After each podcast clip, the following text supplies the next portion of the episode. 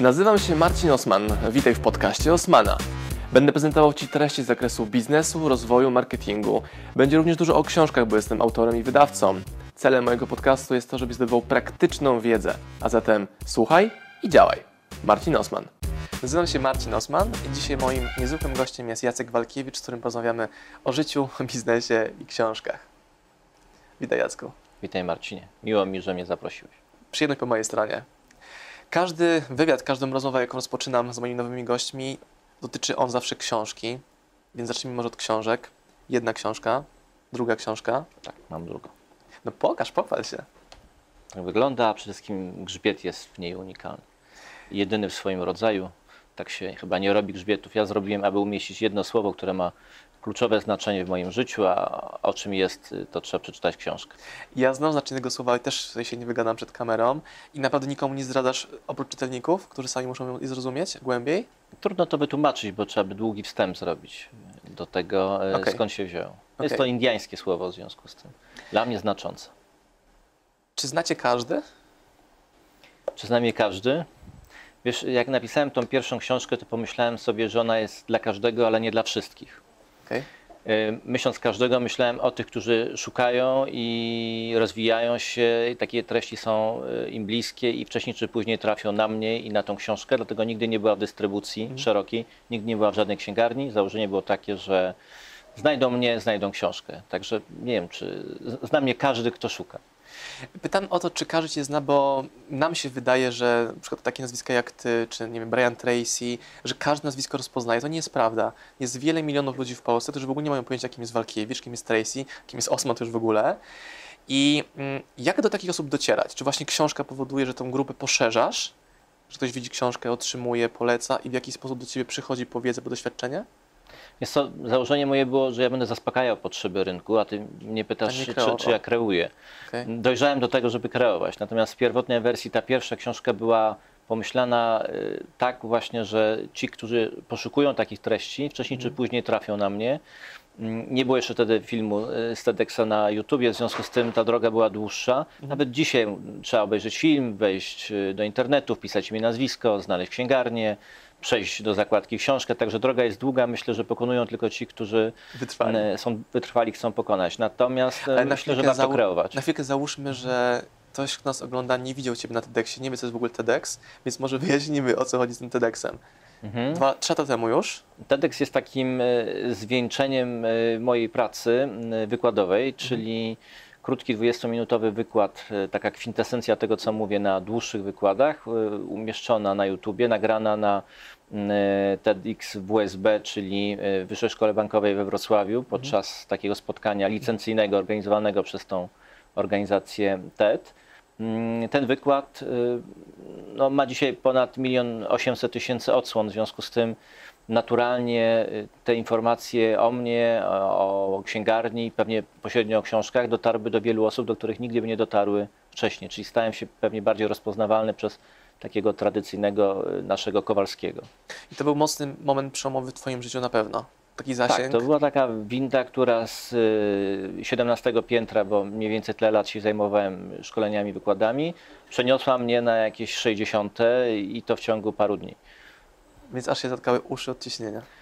Tak, i pojawiły się zjawiska, które były mi zupełnie obce, właśnie to, że ja jestem rozpoznawany na przykład na stacji benzynowej, albo w restauracji, albo w jakimś sklepie, mm, co oznacza, że rzeczywiście ten przekaz dotarł do osób, do których pewnie ja bym normalnie nie był w stanie dotrzeć, bo ja się chwaliłem, że e, spotkałem na salach wykładowych 30 tysięcy osób, wydawało mi się to tak dużo, mhm. a wykład miał ponad 20 tysięcy odsłon w dobę, 100 mhm. tysięcy w tydzień, w związku z tym ta liczba 30 tysięcy okazała się mizerna i 17 lat pracy zostało przebite praktycznie w parę dni mhm. E, takim przekazem nowoczesnym, co też pokazuje, jaka jest e, wartość e, mhm.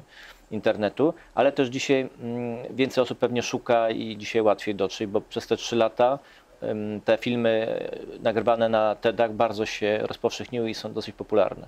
My też polinkujemy pod tym materiałem e, link do Twojego wystąpienia. I ta książka, druga książka jest przedłużeniem, wyjaśnieniem, rozwinięciem tak. Twojego wystąpienia na TEDxie. Ponieważ rozumiem. E, moje wykłady kiedyś trwały 4 godziny, potem hmm. firmy zmusiły mnie w pewien sposób do krótszych, czyli półtorej godziny, bo powiedziały, że nie mają aż hmm. tyle czasu na konferencjach.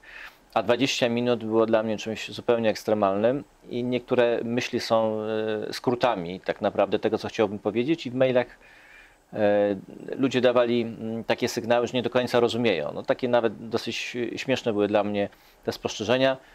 Dlaczego taki fajny był ten rozbity golf przywieziony z Niemiec? Co było w nim takiego mm, wyjątkowego? Tak? Musiałem tak. wyjaśnić, że no wyjątkowe było to, że nas było stać tylko na samochód kupiony na złomie w tamtych czasach. Także e, to nie była jakaś fanaberia, że sobie kupię stary mhm. i, i, będę jeździł i, i tak będzie mm, ciekawie. I, I było parę takich myśli, mm, które chciałem rozwinąć i ta książka powstała się na bazie Y, tego wykładu i poszerzenia go o treści, które tam się nie znalazły. Mhm.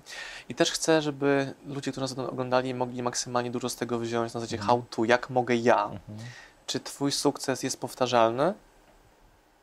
Czy można go zmodelować? Co dla siebie można wziąć z Twoich doświadczeń? Myślę, że mm, żaden sukces y, jest niepowtarzalny, ponieważ wiele czynników na niego wpływa. Natomiast y, można się dowiedzieć z sukcesów innych e, osób, przede wszystkim to, że można go odnieść, tak? Mhm. że, że on jest możliwy i że na niego składają się różne takie czynniki. Gdybym miał powiedzieć, mm, co chciałbym na pewno polecić, to i zresztą często o tym mówię, to to, co mm, kiedyś śpiewał Młynarski, róbmy swoje. Czyli y, moim głównym przekazem jest, że należy robić to, co się robi, angażować się w to, co się robi, mieć też y, jakąś y, taką pasję do tego, co się robi, czyli to zaangażowanie powinno być prawdziwe, nieudawane i według mnie wcześniej czy później efekty przychodzą. Dzisiaj jeszcze bym powiedział, że są takie nowoczesne, zresztą to jest nasz narzędzia, które można wykorzystywać i trochę tą windę przyspieszyć i, i, i wspomóc. Tak? To, to już nie są te czasy, mm, kiedy możemy się spotkać na jakimś autorskim mhm. spotkaniu i przyjdzie 20 osób, można się spotkać e, w internecie z tysiącem osób i wpłynąć na... Siedząc w kapciach sobie przy Siedząc w kapciach, tak. Wpłynąć na to, że jesteśmy e, szybciej zauważeni. Także myślę, że główna, główną myśl, którą chciałem przekazać, to żeby iść, robić krok każdego dnia, iść niezależnie od tego, co mówią ludzie dookoła, a najlepiej znaleźć tych, którzy mówią idź. Swoją drogą. Swoją drogą a jak się przewrócisz, to się podnieś, a jak się nie podniesiesz, to sobie chwilę poleż, bo to też jest dopuszczalne i potem stanie pójść dalej.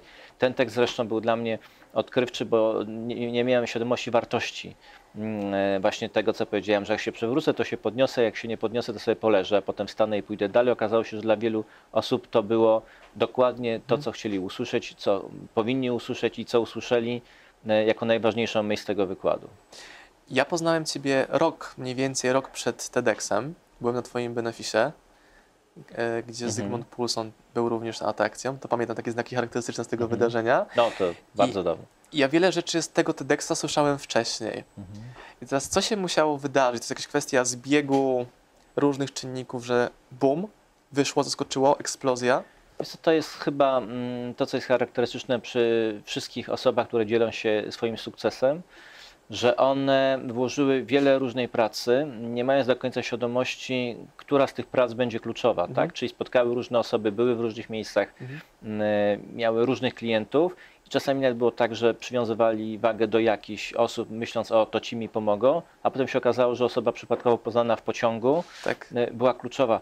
Jak mnie ktoś kiedyś spytał, ile się przygotowywałem do tego e, wystąpienia na TEDzie, to powiedziałem, że 20 lat tak naprawdę. Tak. Że to jest taka kwintesencja tego, co mówię i to wygląda dosyć sprawnie w takim przekazie krótkim, ale no, ćwiczone było to przez wiele lat i, mhm. i rzeczywiście wypływało ze mnie. Było takie prawdziwe, autentyczne. Także e, obawiam się, że po, można o, o, wielu czynnikach mówić, natomiast e, jak już jesteśmy, jak to mówi Soren Kierkegaard, życie rozumiemy wstecz, a przeżywamy w przód.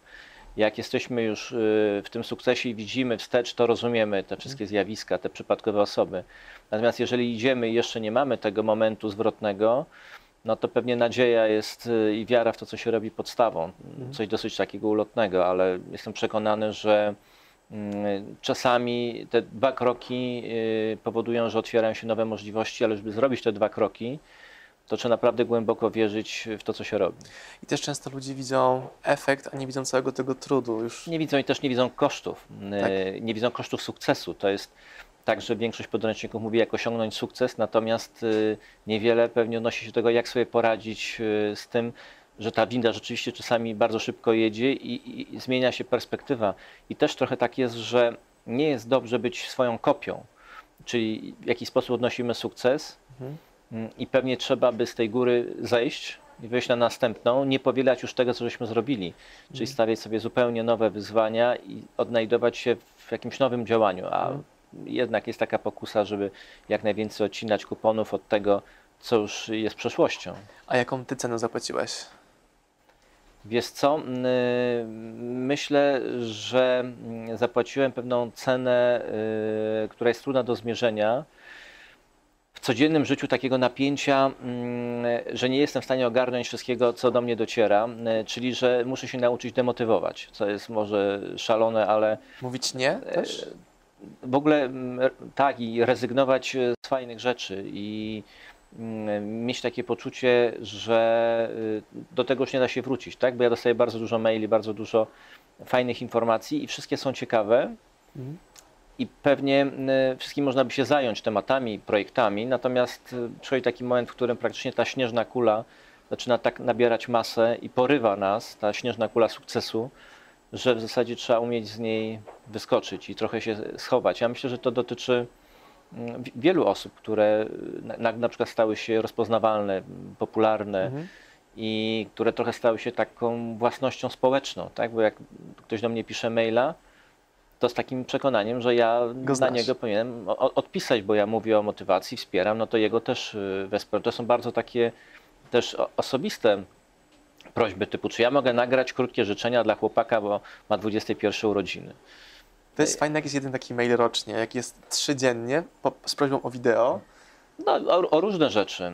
O polecenie literatury, którą warto byłoby przeczytać, tak? W ogóle z pytaniami, które em, wymagają no, naprawdę długiej odpowiedzi. I mógłbym powiedzieć, że to wszystko napisałem w książkach właśnie po to, żeby nie, nie odpisywać. Przez długi czas y, rzeczywiście każdemu starałem się odpisać. Dojrzałem do takiego momentu, w którym chyba będę to robił zbiorczo. Raz w tygodniu list do parafian. E, Będę zbierał tematy, i, i, bo one się powtarzają. To, to nie jest tak, że one są unikalne. Niektóre są wyjątkowe, bo dotyczą jakichś wyjątkowych przeżyć, Mhm. e, wręcz takich traumatycznych i, traktuję szczególnie, ale większość jest z kategorii jak żyć. To pytanie chyba nie do ciebie. No wiesz, ym, większość listu zaczyna się od informacji, że jestem dla tych osób autorytetem. W związku z tym ciężko jest powiedzieć, mylisz się, ja ci nie pomogę i znajdź sobie inny autorytet. Tak? No, gdzieś przez te lata robiąc to, miałem z tyłu głowy poczucie misji. Zresztą jak mnie niektórzy pytają, jak się motywuję, to właśnie odnoszę się do tego, że jestem bardzo misyjny. Z takim mm, przekonaniem, że filozofia dawać, i brać i dawać y, ma sens. W tej kolejności, prawda? No, że jest czas, kiedy się bierze tylko, gdzieś powiedzmy, myślę do trzydziestki. Y, Potem jest czas, kiedy się bierze ciągle, ale już się chce dawać i się daje. A potem przychodzi taki czas, powiedzmy po pięćdziesiątce być może, kiedy już ma się większą frajdę z, z dawania tak Mhm. naprawdę. Takiego trochę też spłacania długu naszym mistrzom. A jestem też ciekaw Twoich opinii na temat pisania książek, bo napisałeś dwie książki, Mhm. jedną i drugą. I czy każdy może napisać książkę, czy każdy powinien napisać książkę? Zmienia się technologia. Jak piszemy sobie w Google, jak napisać książkę, how to publish a book, mamy tysiące wyników, dokładnych strategii, kursów, jak to zrobić. Co o tym sądzisz?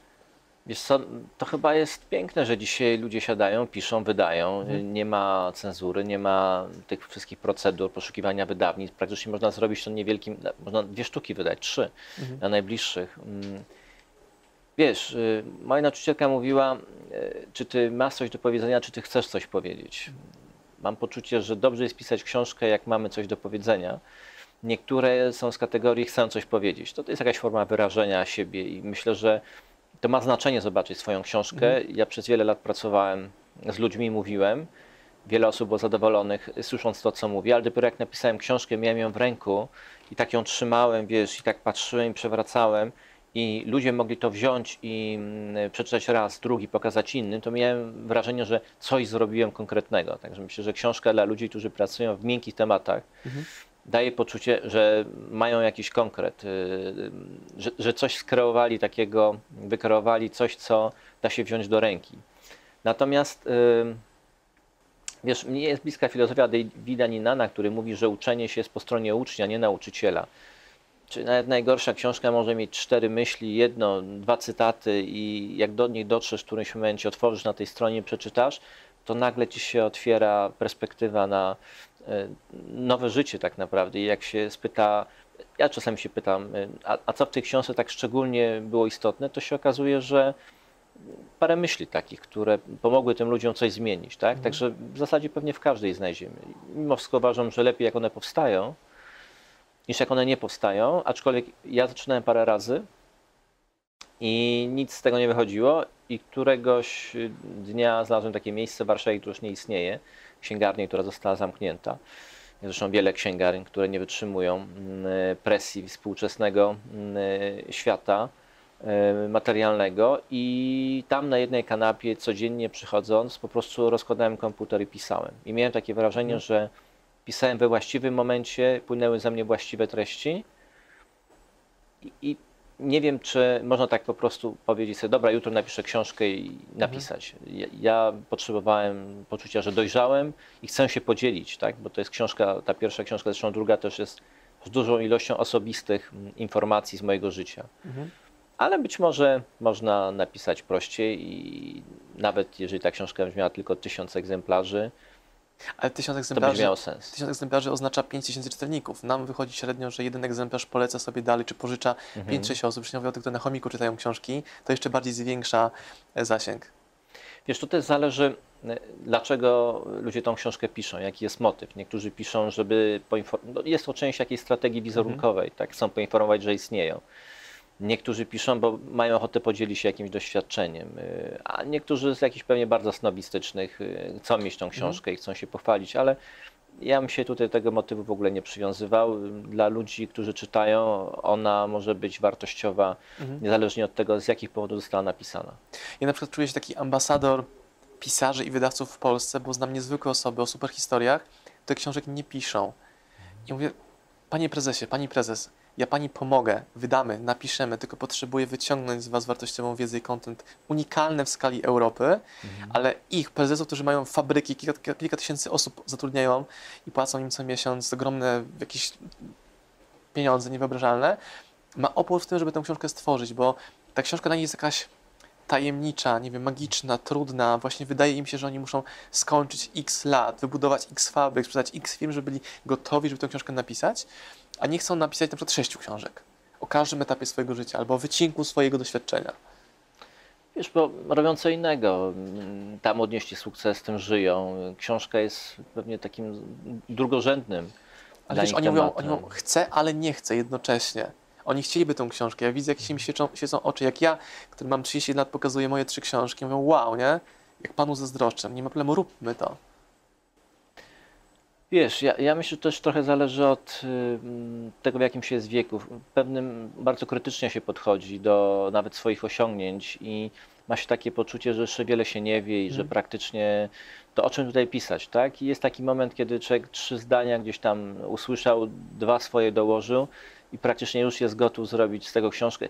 Ja mam takie książki, ja je dostaję mm, od osób, które piszą i chcą mi przesłać i ja jestem wdzięczny, że oni przysyłają, natomiast to, to, są książki, które jestem w stanie przeczytać w wannie yy, podczas jednej kąpieli, naprawdę. Znaczy, to, to, to nie jest pejoratywne, nie jest złe, ale yy, to są książki pisane na początku drogi mhm. z yy, taką niewielką esencją tak naprawdę, mm, a ci doświadczeni mają tak dużo tej esencji, y, że pewnie nie wiedzą, co wybrać, a poza tym pewnie mają poczucie, że no ale to nic nadzwyczajnego. Zresztą jak słucham wywiadów, to tam najczęściej taki motyw pojawia się pracy, takiego etosu pracy. Im po prostu pracowali 20 lat, budowali firmę codziennie, każdego dnia i ją zrobili. I o czym tutaj pisać, prawda? Że trzeba codziennie wstawać, pilnować, pracować dłużej niż inni. Wiesz, to jest też kwestia pewnej refleksyjności. Pewnie nie wszyscy wstają rano i zadają sobie pytanie, dlaczego moja firma odnosi sukces i dlaczego jestem tam, nie wiem, czwarty na świecie w czymś, czy tam w Europie. Mm, e, że ta refleksyjność y, jest jakoś wymuszona właśnie przez kogoś, kto prowadzi wywiad, e, kto spisuje taką książkę i wtedy można rzeczywiście zobaczyć, jak wiele ci ludzie mają do powiedzenia, ale sami obawiam się, że nie wstają rano i nie myślą sobie w kategoriach Y, co ja osiągnąłem w ostatnim tygodniu. Tak? Robią swoje po prostu. A czy zdarza Ci się otrzymać opinie, komentarze, że nie wiem, ta książka to jest powtórzenie jakiejś teorii czyichś, albo to już było, nie, to już tu znam. jestem w tej szczęśliwej sytuacji, mm, że te książki rzeczywiście są w jakiś sposób autorskie tak mówię, że moje wykłady są autorskie, czyli odnoszące się do moich doświadczeń. Mm, ta pierwsza, która jest zdecydowanie bardziej gęsta, jeśli chodzi o treść i taką wielowymiarową treść, bo tutaj moje o doświadczenia są tak, tak o mhm. tej książce, no, która też niedługo pewnie przestanie być możliwa do kupienia, bo planuję ją wycofać y, po pięciu latach jako tą, która spełniła pewną misję i teraz będzie tylko w Ale pewnie... ceny teraz wzrosną. Może nie tak. Znaczy, one, na Allegro, y, y, one na Allegro mają wyższe ceny niż u mnie w księgarni. Y, też nie zawsze są dostępne, bo mamy takie przestoje, kiedy jeszcze drukarnia nie dostarczy, ale w tej książce jest bardzo dużo takich osobistych rozdziałów. Jeden, nawet ktoś mi zwrócił uwagę, że on jest za osobisty, to jest rozdział poświęcony wdzięczności gdzie ja dziękuję konkretnym osobom, wymieniam, zmieniam nazwiska. Mhm. Miałem taką potrzebę i chciałem, żeby ten rozdział nie był abstrakcyjny, nie był o wdzięczności, tylko żeby to był rozdział z wdzięcznością dla tych, którym dziękuję. Mój mistrz, e, u którego się uczyłem biznesu, który zresztą tutaj jest w tej książce w jednym rozdziale wymieniony, Tomasz Warmus powiedział mi, że jest e, taka świeża, autentyczna, że rzeczywiście tutaj nie ma kopiuj w klej nie, nie została powielona. Ale nie wiem, ile takich książek można napisać, wiesz, bo nasza historia, nasze takie historyjki, zdarzenia, one są ograniczone, tak? Czyli mhm. jeżeli po 40 latach zebrania różnych informacji tworzę książkę, to przez następne 2-3 lata trudno, żebym wszedł w interakcję w tak wiele ciekawych i śmiesznych zdarzeń, żeby można było na tej samej metodologii się oprzeć. Mhm też na koniec chciałbym, żebyśmy podyskutowali trochę o tym rzekomym spadku czytelnictwa w Polsce, albo że ludzie czytają tylko wyłącznie książki elektroniczne i tak dalej, i tak dalej. Jestem ciekaw Twojego stanowiska, podyskutujmy o tym proszę. Wiesz co, ja nie mam statystyk, nie mam danych y, i, i, i nie wiem, czy spada ilość, czy spada y, jakość, tak? Mm. Nie mam też, wiesz, takiego poczucia, że 20 lat temu czy 30 to tak ludzie chodzili, czytali i, i że moje pokolenie tak czytało i że, wiesz, jako uczeń w szkole czytałem. Y, myślę, że w jakiś sposób nie, nie do końca tak jest, że to jest jakieś wyjątkowe zjawisko. No, pewnie na całym świecie ilość przekazu elektronicznego jest większa niż, mhm. niż takiego papierowego, ale y, ja myślę, że lepiej mm, się skupić na, na takiej jakości y, i że w tą stronę należałoby iść, żeby jakość tego, co jest drukowana, mhm E, była wartościowa, tak? Ale z drugiej strony rozumiem, że dzisiaj książka, która ma tam 180 stron, zresztą sam wiesz, tak patrzę, jak, jak widzę książkę, którą uwielbiam, mm, to jest y, beletrystyka e, z tego obszaru, który lubię, Shantaram, to jest książka, która ma 700 stron o Indiach. Mhm. Ja ją czytałem naprawdę bardzo długo.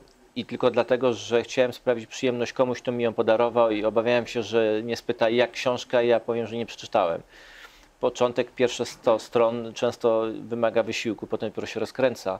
W związku z tym sam jak widzę takie książki, wiesz, 400, 500, 700, to odkładam. W związku z tym być może jednak y, to jest kwestia dzielenia, porcjowania trochę takiej strategii salami. Mhm. Czyli salami jest smaczne, ale w, w plasterkach. W związku z tym być może będziemy czytali więcej, jak książki będą y, cieńsze. To mi się podobało, co powiedzieć na początku, że trzeba iść swoją drogą. Ja na przykład w ogóle nie patrzę na branżę wydawniczą wokół mnie, tylko skupiam się tylko wyłącznie na potencjalnych czytelnikach. Nie czytam żadnych raportów, nie analizuję statystyk Empiku. Jeżeli ja mam książkę, produkt, który jest dobry dla moich odbiorców, oni to udowadniają przelewami i płatnościami, znaczy, że mamy dobrą książkę i trzeba w tym kierunku pójść i może wydać kolejną o temacie uzupełniającym albo rozwijającym te wątki. No tak pewnie byłoby najlepiej podążać za naszymi czytelnikami. Oni są bardzo różni w przypadku mhm. bardzo różnych tytułów. Dla mnie fenomenem y, chyba największym był jednak Harry Potter, bo y, widziałem moje dzieci, które potrafiły usiąść i tą książkę przeczytać non-stop praktycznie, nie wiem, dwa dni, a one miały po 700 stron, w związku z tym to, to, nie jest tak, że ludzie nie czytają. Być może te treści, być może to, co chcą dostać, musi być bardziej dostosowane, czyli, e, no, czyli taki marketing, e, jak i w innych produktach. Tak? Czy książka stała się produktem, o który trzeba zadbać od strony marketingowej? Ja też mam takie wrażenie, że tworząc wydawnictwo, które mamy, mając kolejne tytuły na swoich półkach, czy w portfolio wydawcy, w końcu trafimy na swego Harry'ego Pottera, nawet nie, może ta książka jeszcze nie istnieć, może nie być w ogóle napisana, mhm. ale według nas będzie to możliwe tylko, dlatego, tylko wtedy, jeśli będziemy tworzyli kolejne tytuły, kolejne doświadczenia zbierali w branży, w branży wydawniczej, żeby wiedzieć, to jest bardzo subiektywne odczucie, jak na początku książka wchodzi, nie wiesz, czy ona będzie boom, wow, a jak ona już jest wow, to nie możesz jej kupić, bo ktoś inny już ją ma. Co do, co do jednego chyba mam y, stoprocentową mm, pewność, nie zniknie książka papierowa. I ona zgoda. również dla tych, co trzymają tablet w ręku, będzie ważna i dzisiaj, i za 20 lat. I tym optymistycznym akcentem bardzo dziękuję Ja Ci również za dziękuję. rozmowę.